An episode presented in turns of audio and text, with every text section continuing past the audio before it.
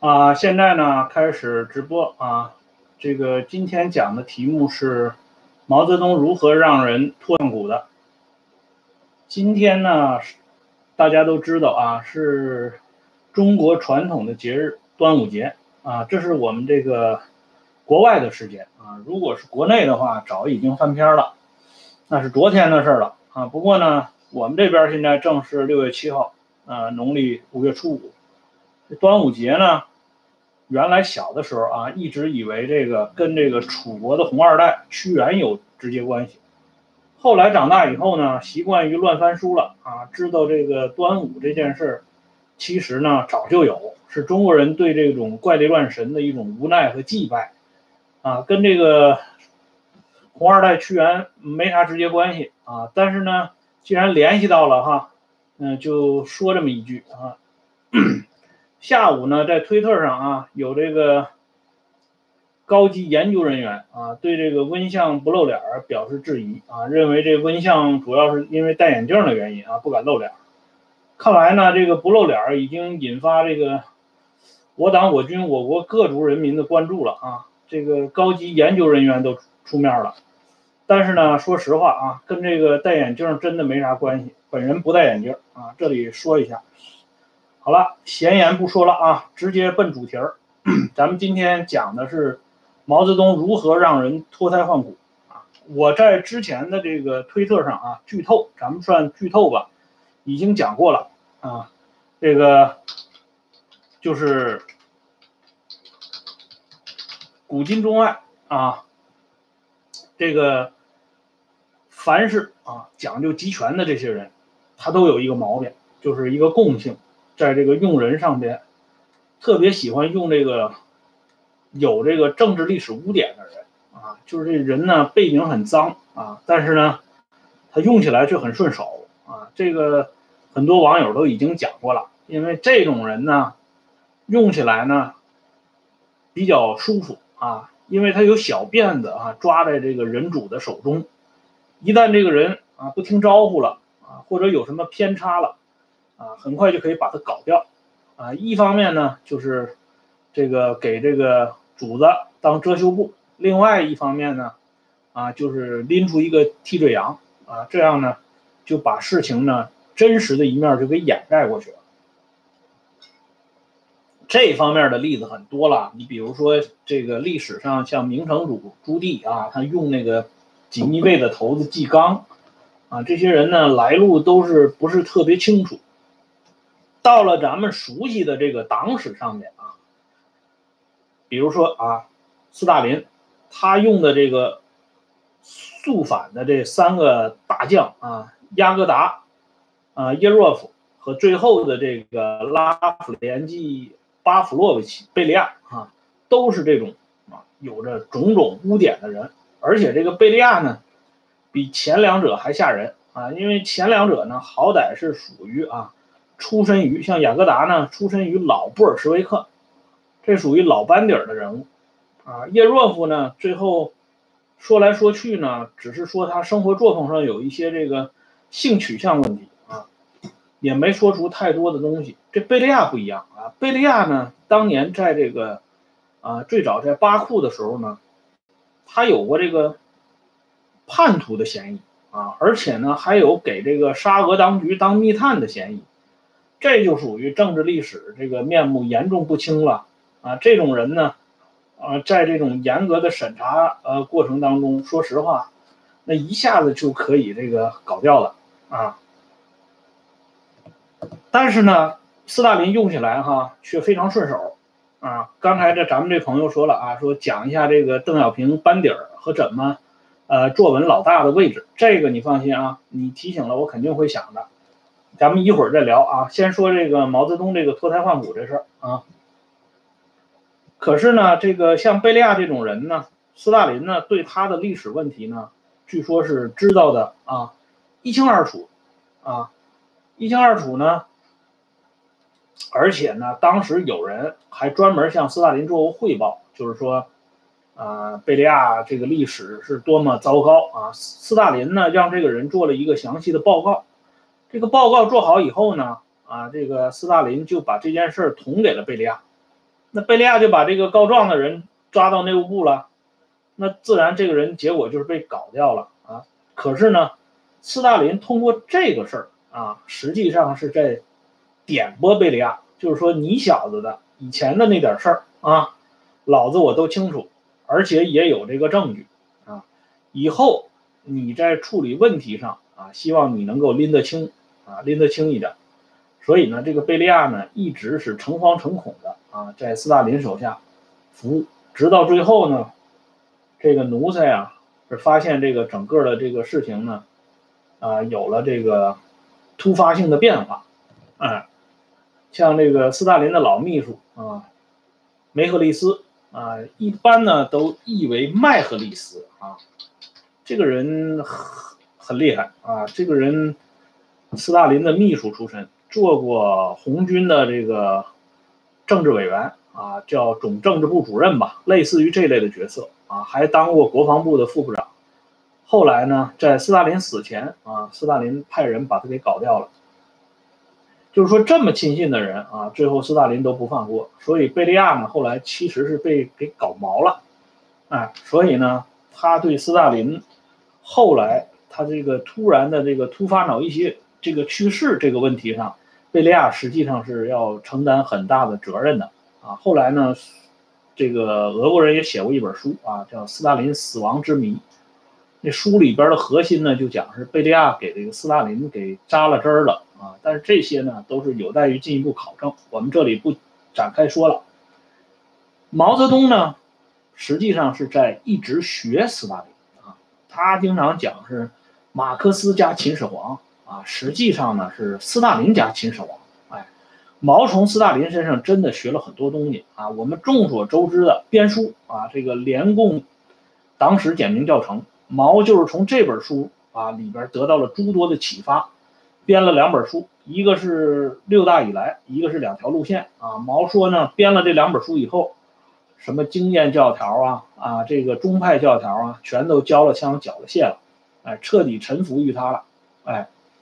对，这是高真义先生啊，生前做过大量考证的。我们这里呢就简单提一下。毛呢，他在这个用人的问题上，你比如说他的这个肃反的大将啊，我们都知道江西苏区时代的李少九啊，这是赫赫有名的。延安时期呢，那就是康生啊。文革呢，又有了江青、张春桥这些人。可是呢，大家注意到一点啊，像李少九这个人，就属于政治历史面目不清的，啊，后来调查过李少九，李少九这个人呢，跟贝利亚有点相似啊，他有这个叛变的这个，呃，历史啊，这个历史呢虽然说不清楚，可是呢疑点很大，哎，但是呢这个人呢，他居然成为红一方面军秘书长兼肃反委员会主任。啊，就这么一个这个劣迹斑斑的这么一个人，肖克呢讲这个李少九实际上在家乡时代就是个流氓来着啊，可是就这么个流氓啊，居然当上了这个秘书长兼肃反委员会的头子，由他呢引发了这个富田事变的前奏。当然，他只不过是处于一个鹰犬的地位啊，真正这个拉线儿的、牵绳的啊、遥控的是毛泽东本人啊，这是李少九啊。康生呢，这个人他也有问题啊。原来呢，咱们那个国家司法部有个副部长啊，叫司法部副部长。他的这个儿子呢，叫李惠仁啊，原来的中纪委的成员啊，就是司法部副部长。他的名字我给大家写一下啊，李运昌啊。以前讲过这个人啊，在《党霸童真》里边讲过李运昌。李运昌的儿子李惠仁，他呢曾经这个在中纪委啊负责过两岸的这个就是林彪、江青这个案子啊审理工作。这个李惠仁晚年回忆过啊，就是他呢在调阅啊上海市公安局的有关档案的时候，发现呢其中有几页啊。特别关键就是关于康生是否曾经在上海白区工作期间啊有被国民党当局抓捕过的这个呃经历关于这方面的记载的这个几页关键的档案失踪了，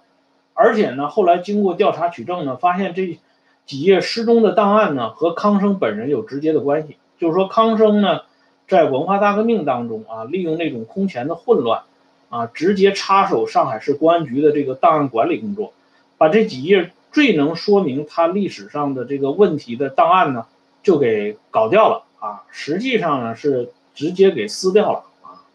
干这种事儿的当然不只是康生啊，只不过康生是暴露出来了。你像这个，啊，上个世纪八十年代啊，这个邓颖超呢曾经向邓小平和胡耀邦请示过啊，专门请示过，把周恩来呢在文革当中的一大批啊签了字的啊做了重要批示的这种档案呢，全部销毁了，啊，这是邓小平和胡耀邦批准的，啊。你想想，这个档案的分量，实际上呢，比这康生的那个叛变的那档案还要重要啊。好，包括呢，陈伯达，他晚年呢，就是后来被抓进去以后呢，他写了一些这个，呃，放出来以后，他陆陆续续写了一些回忆啊。其中呢，最值得啊大家研究的是他关于第三次庐山会议，就是一九。啊，七零年的那次啊，中共九届二中全会那个第三次庐山会议期间的一个回忆，这个陈伯达的这个回忆是很有分量的，因为当时陈伯达那个地位是排行老四嘛，啊，中央政治局常委，他介乎于毛泽东和林彪之间啊，关于这个林彪的发言、天才论这一系列的重要的党史核核心问题啊，陈伯达是很有发言权的，因为他是重要的当事人。他在回忆呢，他这个庐山回忆是三大部分啊，其中第二部分呢，重点就谈到了周恩来在第三次庐山会议期间啊做的这些事情。可是呢，这个第二部分后来被邓颖超给要去了啊，邓颖超说是看一看，他看一看之后呢，就没了影了啊，这第二部分就永远失踪了。事实上呢，我们也能想象得到啊，那就是第二部分也被销毁了。这就是说什么呢？销毁档案的。不光是康生，还是另这个大有人在啊？为什么销毁档案呢？就是因为历史上有不光彩的一面，不想让别人知道啊。这个康生是这样啊，可是呢，没耽误康生啊一路高升啊，从这个中央社会部部长、中央情报部部长，一直到最后的中共中央副主席啊，死后还荣膺了三顶大帽子，什么反修战士啊、啊理论家之类的啊头衔儿。而且呢，康生是一直在整人啊，他干的这些事情呢，有的是他个人的这个发明创造啊，有的就是老大的指使啊。对，有人说有时间说说邓颖超，这肯定要说的啊。周恩来和邓颖超两口子，这是一定要讲的。而且呢，我预计啊，下两次党史小花絮，咱们直播的时候肯定要讲一把这个。周恩来和邓颖超这两口子之间的这个政治双簧，啊，演的是确实很漂亮啊。应该说呢，这两个人的表演，那的演技是绝对是超过这个刘少奇、王光美两口子，更是超过林彪、叶群两口子啊。这两个人装的那简直是啊，几乎是演尽天下人耳目啊啊！所以这毛泽东、江青为什么恨这两口子呢？啊，但是恨归恨呐，你。再恨也不行啊，因为他演的太逼真了啊！如果你稍微配合不上去，那就完了。所以大家知道吗？就是说，周恩来死后啊，第一个向邓颖超去表示慰问的啊，就是向家属表示慰问的，是江青啊啊！江青进了门以后，与邓颖超抱头痛哭，两个人立马都哭成泪人了，就是说。人家的演技太高了啊！你江青你是二流演员啊，你不跟上这个总导演的这个步伐，你说不过去的啊！但是呢，最后看来还是没跟上，所以被给甩出去了，定义为这个反革命集团主干，这是没办法，你这个演技不过关嘛。啊，这个呢话题咱们先说到这儿啊，咱接着往下说啊。你包括张春桥呢，张春桥的污点也很明显啊，他在历史上呢。他有过一段这个复兴社外围的事情说不清楚啊，更主要的是呢，我们都知道中共是厉行株连啊，这个株连这个东西很厉害的，就是说你家里人啊，甚至祖宗三代有问题，直接影响到对你的提拔和使用。当然，人家这些老大们除外啊，你像这个讲成分地主啊。啊，富农啊，这都是限制使用的。但是毛泽东不受限制啊，人家虽然是地主出身，但人家是领袖啊，啊，人家不受这个限制，主要是下边的人。但是张春桥就属于这个范畴啊。张春桥的老婆李文静那是正儿八经叛变了的啊，抓了以后叛徒了，而且他叛变是给日本人当叛徒啊，这个你放到国民党那儿也说不过去啊。你如果给国民党当叛徒，这个还可以说，对吧？肉烂在锅里，你是国共相争。说到底，现在国共不都已经第三次握手了吗？对吧？哎，你这还可以有心可原。可是你当时叛变给日本人呢，对不对？这就有点说不过去了，这就玩的有点大了。可是呢，一丁点都没影响。后来在文革当中啊，文革那个时候，你知道讲成分讲到什么程度啊？那真是通了天了。可是李文静这么一个啊，有这么严重污点的人，他居然当上专案办公室主任了啊！像尤雪涛他们扫雷纵队。那很多工作那是要向文静同志请示的，直到文革后期啊，张春桥呢才准备把这个李文静这个政治包袱甩出去，但是这个时候距离张春桥被捕的时间呢已经很近了啊，这都是后话。就是说呢，像这个李少九、康生啊，这个张春桥啊，这些人污点这么明显、这么严重啊，但是呢，老大都喜欢，都照用不误啊，甚至呢，在这个。周恩来啊，到长沙去向毛泽东报告说，这个张春桥啊有政治严重的政治历史问题。可是呢，毛就是表示啊，我已经知道这事儿了，下边就不谈了啊。这个 邓小平的那个女儿邓蓉有回忆录也讲过啊，邓小平去看康生，康生向邓小平讲过啊，这个周恩来也向这个邓小平讲过，就是主席呢不让过问这个事儿啊，不让管。可以想见啊，这些人的使用，毛心里是很清楚的。用这种人的好处就是什么呢？因为你像李少九这个人啊，咱们知道他是流氓啊啊，你知道这流氓，他自己也很清楚自己干过什么缺德的事儿啊，但是他要掩盖自己的这些缺德事儿，一个是灭口啊，就把知情人干掉啊，那就没人知道了。再一个呢？就是想方设法把所有人都变成流氓，啊，那那自然也就显不出他是流氓了，对吧？以前日本有一个这个小寓言故事啊，我给大家说一下，就说以前有这么一个岛啊，这个日本有这么一个岛，这个岛上的人呢都是一个眼珠子，啊，长得很奇怪，一个眼珠子。有一天呢，从岛外来一个人。这岛外的人呢，就是跟咱们这个正常人长得都一样了，俩眼珠子啊。这岛上的这这些人就不干了啊！一看，凭什么我们一个眼珠子，你两个眼珠子，就把这两个眼珠子这个正常人就给抓起来了啊？先是这个圈到笼子里啊，收费围观啊，参观，参观够了以后呢，大家越看啊越感到毛骨悚然，说这不行，这人不能留着啊，他两个眼珠子。啊，比我们多一个，这明显不正常，所以最后大家呢民主决策啊，人家还是民主决策，一致同意给这人留条命，但是呢得把那多余的眼珠子挖下去啊。于是呢这个人也变成了一个眼珠子，啊，举这个寓言的故事呢，就是说啊这流氓啊，他为了掩盖自己的这个真实的嘴脸，那他就必须把周围所有的人都给搞成流氓啊。所以你看李少九这个人。他在整个的这个江西肃反时候啊，为什么那么疯狂？实际上就是基于这个东西啊，我是流氓啊，我要把你们都变成流氓，你们都是什么改主派、第三党、乱七八糟的 A、B 团都来了啊，这样呢就显得我非常的高大上、高大上了啊，这是啊毛啊让人脱胎换骨的第一步啊，他让流氓呢这个。内心呢，变得更强大啊！虽然我这个做过坏事儿啊，本来我是见不得这个，啊阳光的，可是因为啊，我把其他的人都搞成了啊，比流氓还不如的啊这些坏蛋，那么是不是就显得我没什么事儿了？实际上，对吧？这是第一种啊，把流氓脱胎换骨。还有一种呢，本来就是良民啊。你比如说咱们这个，呃，都知道在延安的时候啊，那些所谓的这个进步青年啊，用现在的话讲就是愤青和脑残啊，这些五毛之类的啊，纷纷投奔革命圣地啊。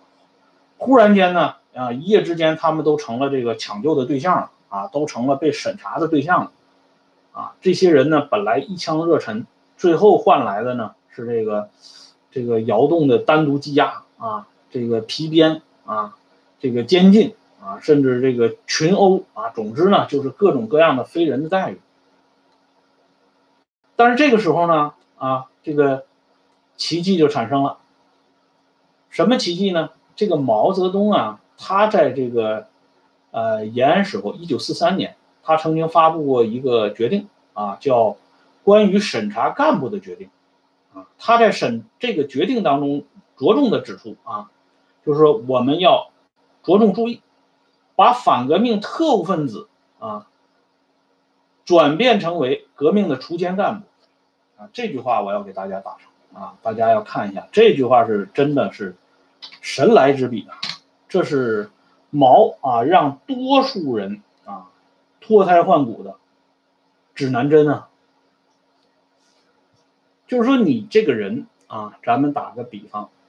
张三儿啊，这个人一腔热忱啊，读过中学，然后不满意国统区的这个统治，投奔到延安了。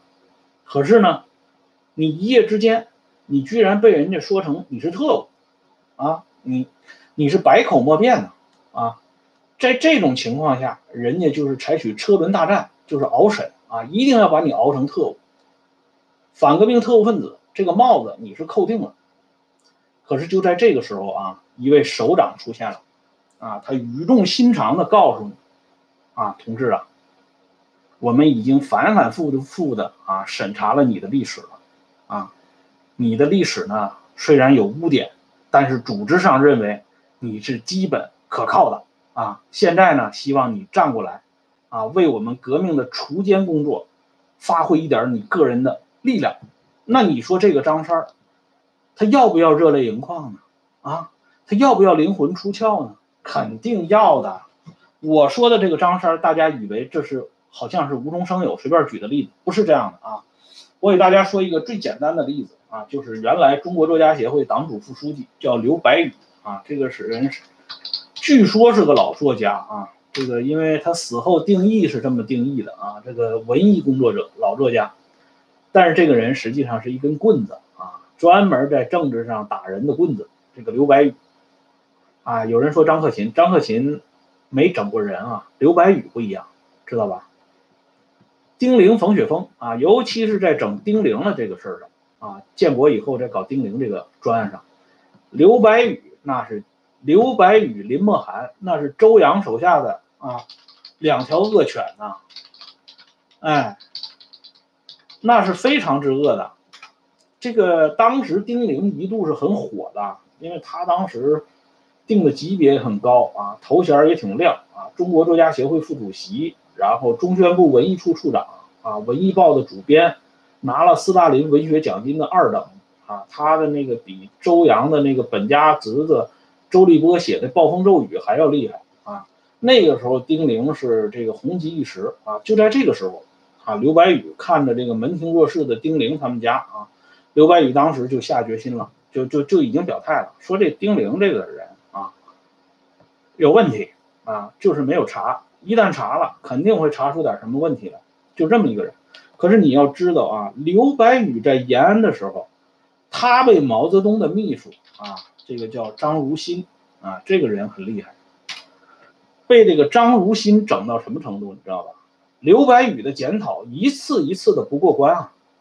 啊，最后一次刘白羽给张如新写检讨，然后张如新让刘白羽到他所住的窑洞去听信儿，刘白羽自己写的回忆录啊，《心灵的历程》这个书里边啊，那是专门讲述了这一段，讲的是惟妙惟肖，非常逼真的啊，就是说他到这个张如新的窑洞之前啊，他。那就是像待决之囚一样，他不知道张如新出来又要跟他讲什么，那心简直就要跳出来了。可是这个时候呢，张如新从窑洞里出来了啊，面带微笑啊，啊，说白羽同志啊，你的检讨过关了。这刘白羽当时眼泪就下来了，啊，就是这么一个啊，在延安时候被人家搞得七荤八素的人，后来翻过身以后呢，在北京整人那是丝毫不留情面啊。这个人到了晚年啊，跑到总政治部去当文化部部长，啊，还专门写过一篇啊臭名昭著的文章，这个吹捧毛泽东的诗诗词。啊，说毛这个诗词有多么多么了不得，这个我们之前已经讲过了啊。天生一个仙人洞啊，无限风光在险峰，这水平我们已经领教过了。但是人刘白羽就告诉咱们啊，啊，这这个老大的这个诗词有多么多么了不起。这刘白羽呢，他有过一个这个这个散文集啊，这个小时候我们家里还有这个集啊，就是这个当时。觉得哎呀，高山仰止啊，红玛瑙集呀，啊，听人起的名啊，后来才才理解人家为什么起名叫红玛瑙集呀，就说清朝啊，二品以上的官员啊，大清二品以二品以上官员，那就是戴那个红玛瑙的顶子，珊瑚顶子啊，红顶子，其实人家红玛瑙级就是红顶子级，知道吗？就是说，他用别人的累累白骨染红了自己的顶戴啊，所以人起的名也是恰如其分，红玛瑙级。你看，高人就是高人呢，啊，就是说刘白羽这类的人物，就是说本来呢是热血青年，被人家搞的最后啊搞成那个样子，这时候突然经过组织的简化，希望你站过来做革命的锄奸干部，那他要做的是什么呢？他要报答组织的是什么呢？那就要玩命的整其他的人。或者说整他的同类，啊，要把他的同类整到猪狗不如的这个境地，这样呢，他自然就在组织面前表现自己了。你看，组织上没有白白的发现我呀，对吧？我没有辜负组织对我的二次的信任啊，对不对？我把这些组织需要的东西我都搞出来了，而且呢，他下手对待这些无辜的同类啊，他丝毫不会手软。为什么呢？他内心很强大，你知道吧？就是说，一般人干坏事儿，他心虚，你哎，心虚。但是像刘白羽这些人，他不心虚，他内心强大。为什么呢？他觉得我出手这么狠啊，一下子就把这个人打到十八层地狱，我不是出于个人的目的啊，我是为了党和人民，我为了审查干部这么一项浩大的这个运动啊，做出了一丁点儿的个人的贡献，哎。所以呢，当他们晚年知道这些人被搞错了以后呢，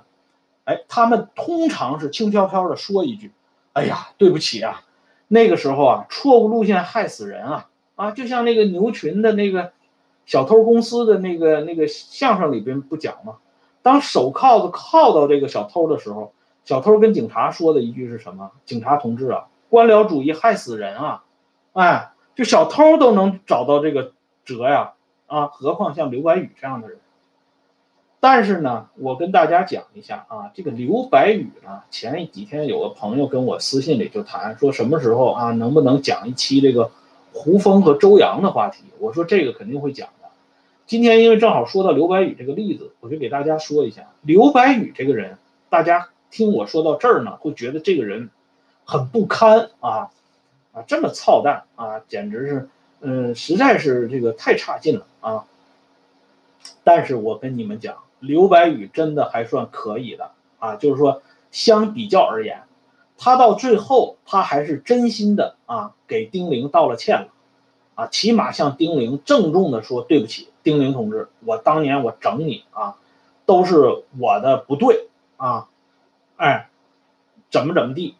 虽然大家。觉得啊，这简直就是片汤的话，对吧？你把人家已经搞到那么惨，你这么两三句话就能遮掩过去吗？可是啊，咱们说呀，人比人啊，啊，看跟谁比啊？你要跟周扬比，那刘白羽、林默涵真的还算是有点人心了。那周扬、夏衍啊，他们整丁玲、冯雪峰，整到这些人简直是当场痛哭流涕，那还不放过呀？可是周扬这个人啊。人家到死都没有给丁玲说一句对不起啊！他跟丁玲说什么？说那个时代啊，我们都挨整啊，我也被人整啊。说的是人话吗？可是呢，我们知道啊，这个《炎黄春秋》这个杂志上有那么一帮人啊，对周扬呢简直是这个欣赏备至啊，就是拿周扬晚年说的那个异化的那个事情啊，经常把这件事啊拎出来，作为这个所谓的啊晚年出现大觉醒的这个例子啊，说周扬这个人晚年大大彻大悟啊，如何如何的这个高洁，其实是扯淡的啊，因为。他连他亲手整过的人啊，他都不肯说一句，哪怕是表面的对不起，他怎么会啊大彻大悟呢？这是根本是糊弄傻子的啊！所以这个大家不要相信啊！以后再看见什么这个啊，我给大家写一下这个这个比较恶心一点的这个吹捧周扬的这个人啊，还写过一本书啊，叫《晚年周扬》，这个人叫顾湘啊，这个人比较恶心啊，他写的东西我后来专门写过一篇文章啊。嗯，是，他是跟胡乔木闹过，他俩都不是什么好饼啊！不要以为他和胡乔木闹过，他就是好饼，那不不不是一回事儿啊！那周恩来和毛泽东还闹过呢，对吧？你能说他俩谁是好人吗？不是，对吧？那毛泽东还整过邓小平呢，那你能因此说邓小平是嗯高大上吗？那不可能的，对吧？哎，这个你不要看他跟谁闹过呢，狗咬狗的事是常有的，嗯，所以呢，我就今天我讲这个例子，就是说。毛的这种办法啊，让这个人脱胎换骨，最后这个人变成什么样子啊？大家可以看一下，从这个我们讲到的这个刘白羽的这个例子就可以看到。现在呢，利用剩下来的几分钟时间啊，回答一下这个之前朋友提到的关于邓小平的这个班底儿的事儿。因为呢，之前在推特上提过这个啊，就是说这个邓的这个班底儿。说实话啊，邓呢在。进入北京以后，啊，五十年代初五马进京的时候，进入到北京以后，到他一九六六年被打倒啊，他这很长一段时间里啊，主持中央书记处的工作，他实际上真的没有形成一个啊固定的属于他的这个人马的这么一个啊牢靠的班底儿。如果他有这个班底儿的话，他最后的结局啊，也绝不会比刘少奇、林彪要好啊，因为。毛这个人那是目光如炬，动若观火啊！一旦底下有形成山头的啊，这种他是坚决要打掉的啊。所以你看，这个毛、刘、周、朱这四个人当中啊，这个朱德死的是最安详的啊，只不过是给关到那个接待室里边冻了几个小时啊，引发了这个肺炎，然后去世了。那相比较那个周恩来啊，死的那么痛苦。相比较刘少奇那更惨了，死在这个开封的地下室里。那朱德基本是属于寿终正寝了啊。那朱德为什么能够寿终正寝呢？实际上就跟朱德啊没有什么班底儿有关系。你能说谁谁是朱德的人吗？不可能的啊。邓呢，他后来复出啊，八十年代重新主掌政局。啊，我们会经常看到什么这个秦基伟啊、刘华清啊这些人啊，大家都愿意把他算到这个邓手下的人，甚至把张爱萍啊这些人也都算到邓手下的人，还有这个杨尚昆之类。其实这些人呢，在历史上跟邓的渊源更多是工作上的啊，他与邓没有那种就像林彪和他手下的四大金刚的这种感情啊，他没有这种感情啊，他是一个比较松散的这种。就像类似于像独联体似的啊，他不是那种啊，经过这种啊，他不是这样的啊，所以也是因为这个原因啊，邓呢啊被毛呢最终还是放了一马。至于说像这个你包括这个原来的最高法院院长任建新啊，最高人民检察院检察长刘富芝，那都被说成是邓的人。实际上在历史上，你比如说刘富芝，他在公安部的时候啊。他实际上在很长一段时间，这个还是很受这个谢富治的信任啊。谢富治上面呢就是主管政法工作的彭真啊，所以呢，他只不过是在啊短暂的时期内啊，在这个邓手下工作过啊，很难说就一定是邓的班底儿啊。关于这个问题呢，我今天我就暂时解答到这里。好了，今天的直播呢，咱们就说到这里啊。呃，如果明天有时间，咱们继续啊，这个搞一期直播啊，说的题目呢，咱们可以在推特上商量一下啊。谢谢大家捧场啊，再见。啊，邓确实比较特殊啊。最后再说一句，哎，再见，谢谢。